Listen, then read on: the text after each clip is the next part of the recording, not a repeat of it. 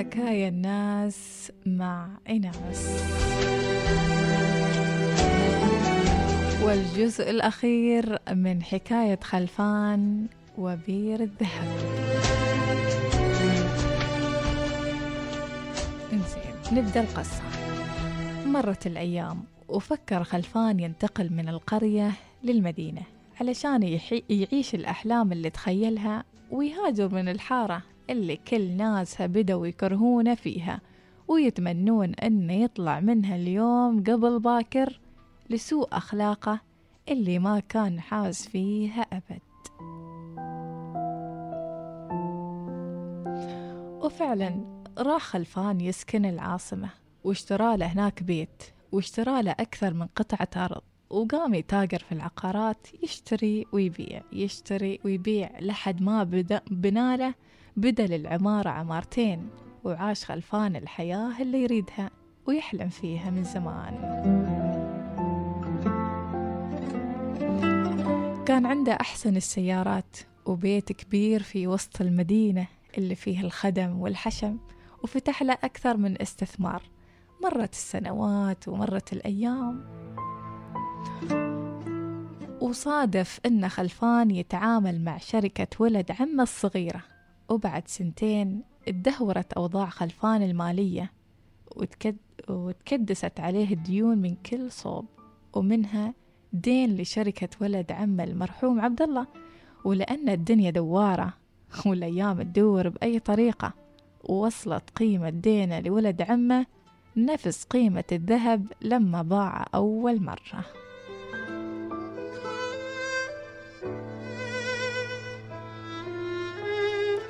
تأخر, خ... تأخر خلفان في تسديد الدين اللي عليه لولد عمه لأنه ما كان عنده سيولة أبدا. فخبر ولد عمه يا يسلمه ممتلكاته أو يرجعه يرجع له الفلوس. في هالفترة وبعد عشر سنوات من غياب خلفان عن الحارة رجع لها من جديد وتم يشاور ناسها عن خطة ينقذ فيها نفسه من هالديون المتراكمة ولكن ما حد كان مستعد يعطيه ولا راي ولا نصيحة. بعد ذكريات سوداء تركها خلفه قبل لا ينتقل للمدينة. فكر خلفان وفكر وفكر وفكر وفي الأخير قدر يرجع نص المبلغ لولد عمه والمبلغ الثاني عطاه بدله أحد عقاراته اللي تساوي الآلاف الكثيرة.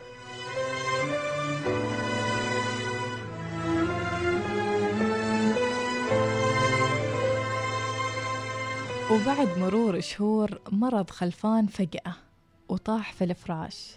مرض مرض ما كان حاسب له حساب أبد ولا يعرف كيف يا أصلا.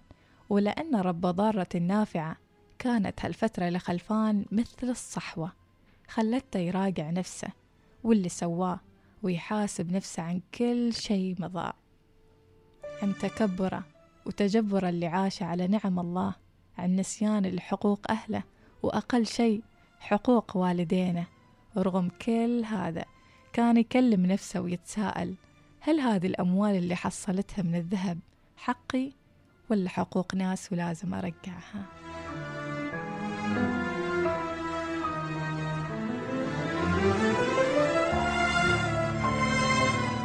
وفي لحظات الصمت في الليل ما كان خلفان يقدر ينام من التفكير والألم فما بيدينا غير إنه يبكي. ويذرف دموع الندم ويكلم رب العالمين ويقول أستغفر الله العظيم وأتوب إليه. رب اغفر لي كل شيء سويته. أعرف يا ربي إن دنياك فانية وإني نسيت إني أشكرك على كل نعمة أعطيتني إياها حتى إني نسيت أشكرك على بصيرتي وأحلامي الواضحة. ربي علمك بحالي يغني عن سؤالي وشكواي. حبيبي ربي ما كنت أريد غير حقي وخذيته. صحيح أني خذيته بطريقة خطأ لكن الظلم يقهر وأنت ما تحب الظالمين خذيته. ولكن الفلوس عمت عيني وأخلاقي ما كنت شايف شي قدامي ما كنت شايف خير. نسان الشيطان كل شيء حتى يوم حتى يوم إنك نهيت وقلت ولا تمشي في الأرض مرحا إنك لن تخرق الأرض. ولن تبلغ الجبال طولا. يا ربي صرت مثل أهل الجنة اللي حشرهم الإعصار ومثل فرعون اللي قال أنا ربكم الأعلى واستغفر الله استغفر الله. سامحني يا الله إني تجبرت على نعمتك ونسيت أهم نعمة عطيتني إياها أمي وأبوي. الله يرحمهم اللي عقيت بهم وشغلتني الدنيا عنهم. لين ما راح من يديني سر عظيم من أسرار توفيقي في هذه الحياة. سامحني يا الله واغفر لي ولا تخرجني من دنياك إلا وأنت راضي عني يا أرحم الراحمين.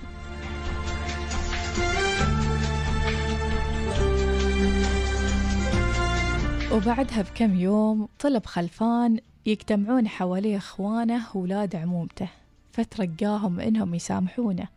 ووزع عليهم كل أملاكه وما بقاله ولا شيء. هذا خلفان. انولد فقير ومات فقير ولكن تدارك نفسه في آخر أيامه فمات غني بالحكمة. اللي ما بس هو اللي فهمها واستفاد منها حتى إحنا اللي سمعنا قصته هذا اليوم.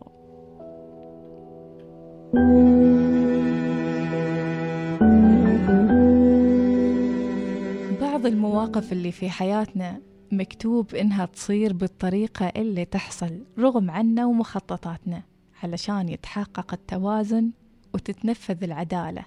فعم خلفان رغم مرضه قبل موته احتفظ بالذهب ومكانه. ولو ما خلفان حاول يبحث عنه لبقى الذهب سر مثل ما بقى دهور وهو داخل البير وما حد يستفيد منه. لكن خلفان في مرضه قدر يوزع ثروته كلها على أهله وإخوانه وولاد عمومته. ولا تنسون أبدا القانون الكوني لسر ديمومة النعم وبركتها. ولئن شكرتم لأزيدنكم.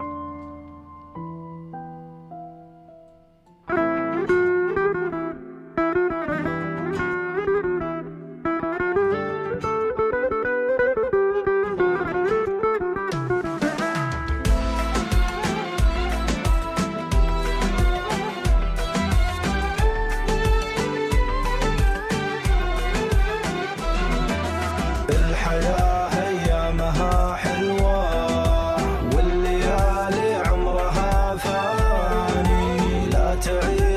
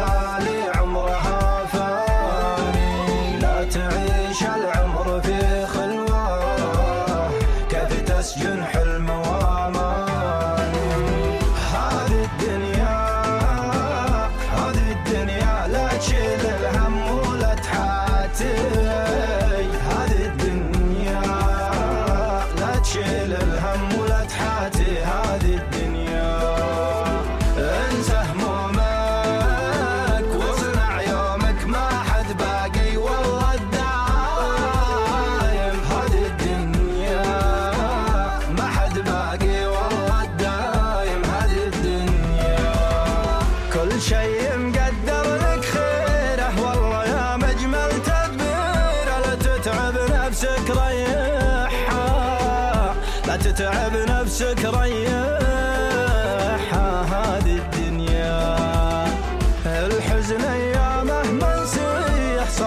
وصل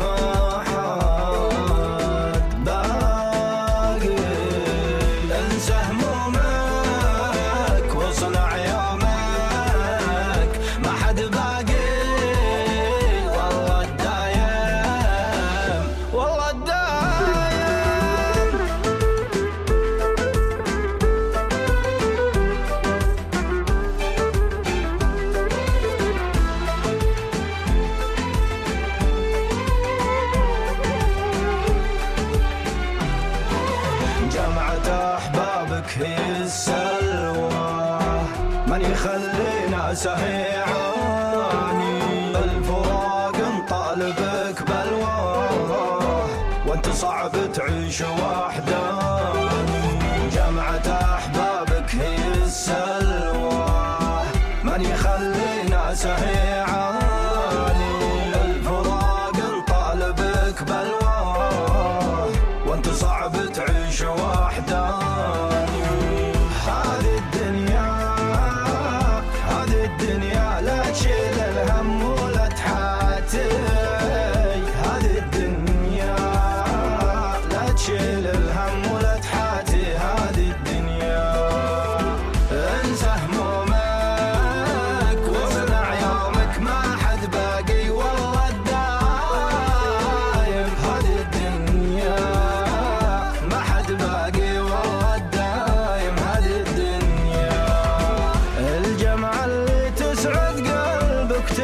na chuva de cor.